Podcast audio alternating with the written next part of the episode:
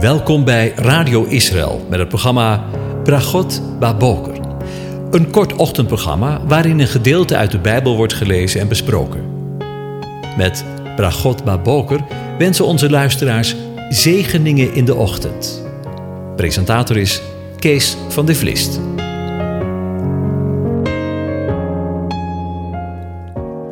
Goedemorgen, Bokatov, beste luisteraars.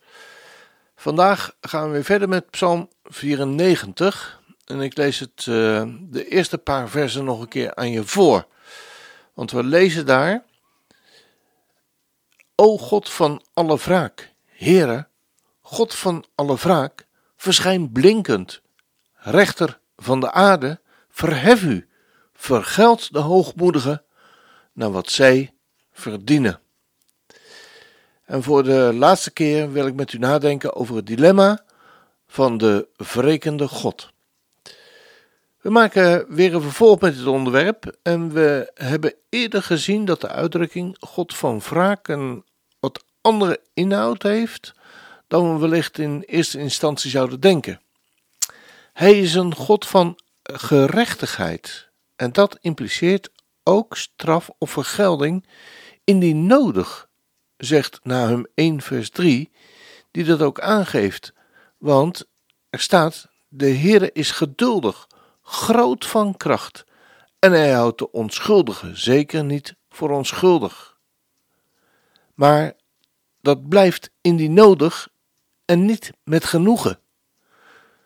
De vraag die in de tekst ligt opgesloten geeft al aan dat het onrecht op het moment van het schrijven nog voortduurt, God heeft zich kennelijk nog niet als rechter laten gelden.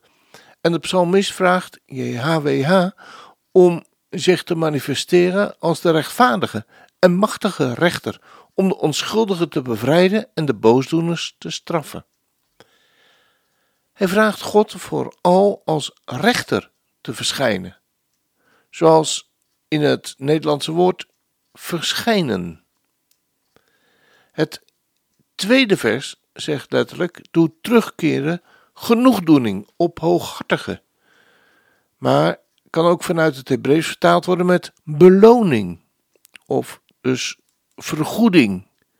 Het woord genoegdoening kan dus ook betekenen beloning of vergoeding. Het kan ook worden omschreven als het verdiende loon of dat wat iemand toekomt.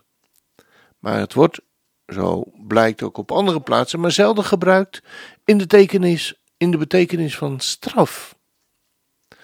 Een aantal keren komt het voor in de combinatie met het werkwoord betalen, waardoor het werkwoord de betekenis zou kunnen krijgen van vergelden. Zullen we bijvoorbeeld eens Jesaja 59 vers 18 lezen om bewijzen van spreken te proeven wat het uiteindelijke doel van wraak of vergelding is.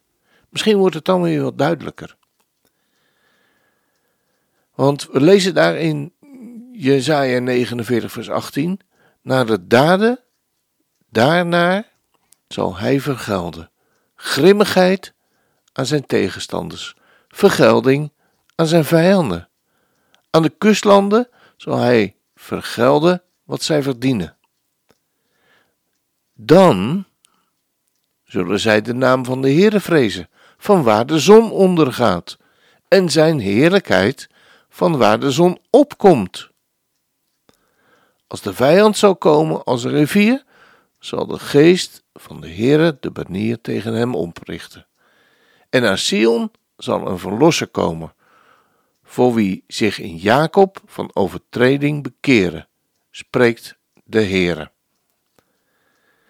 Ja, en, en, en zo dan hebben we de afgelopen dagen met elkaar over dit lastige, misschien ook wel wat moeilijke dilemma nagedacht.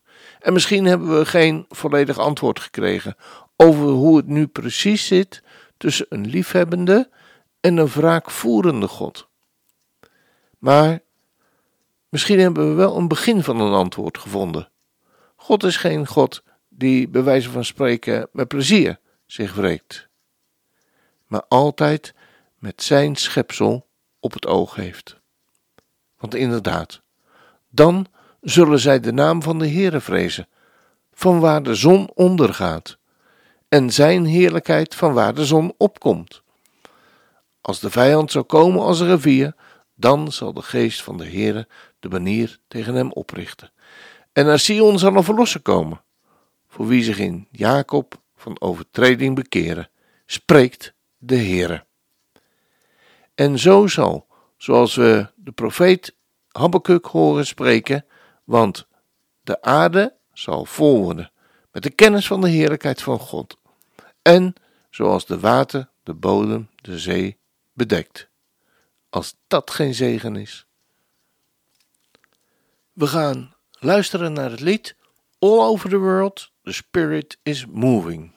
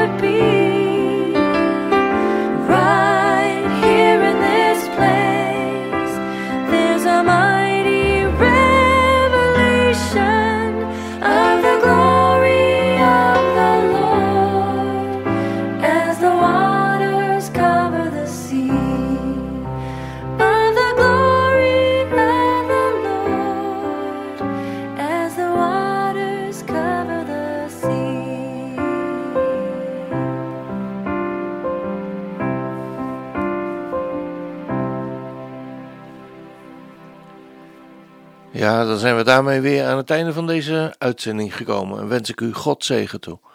De Heer zegene, hij behoede u. De Heer doet zijn aangezicht over je lichten en zij genadig.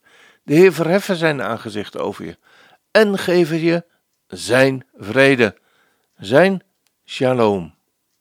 Amen.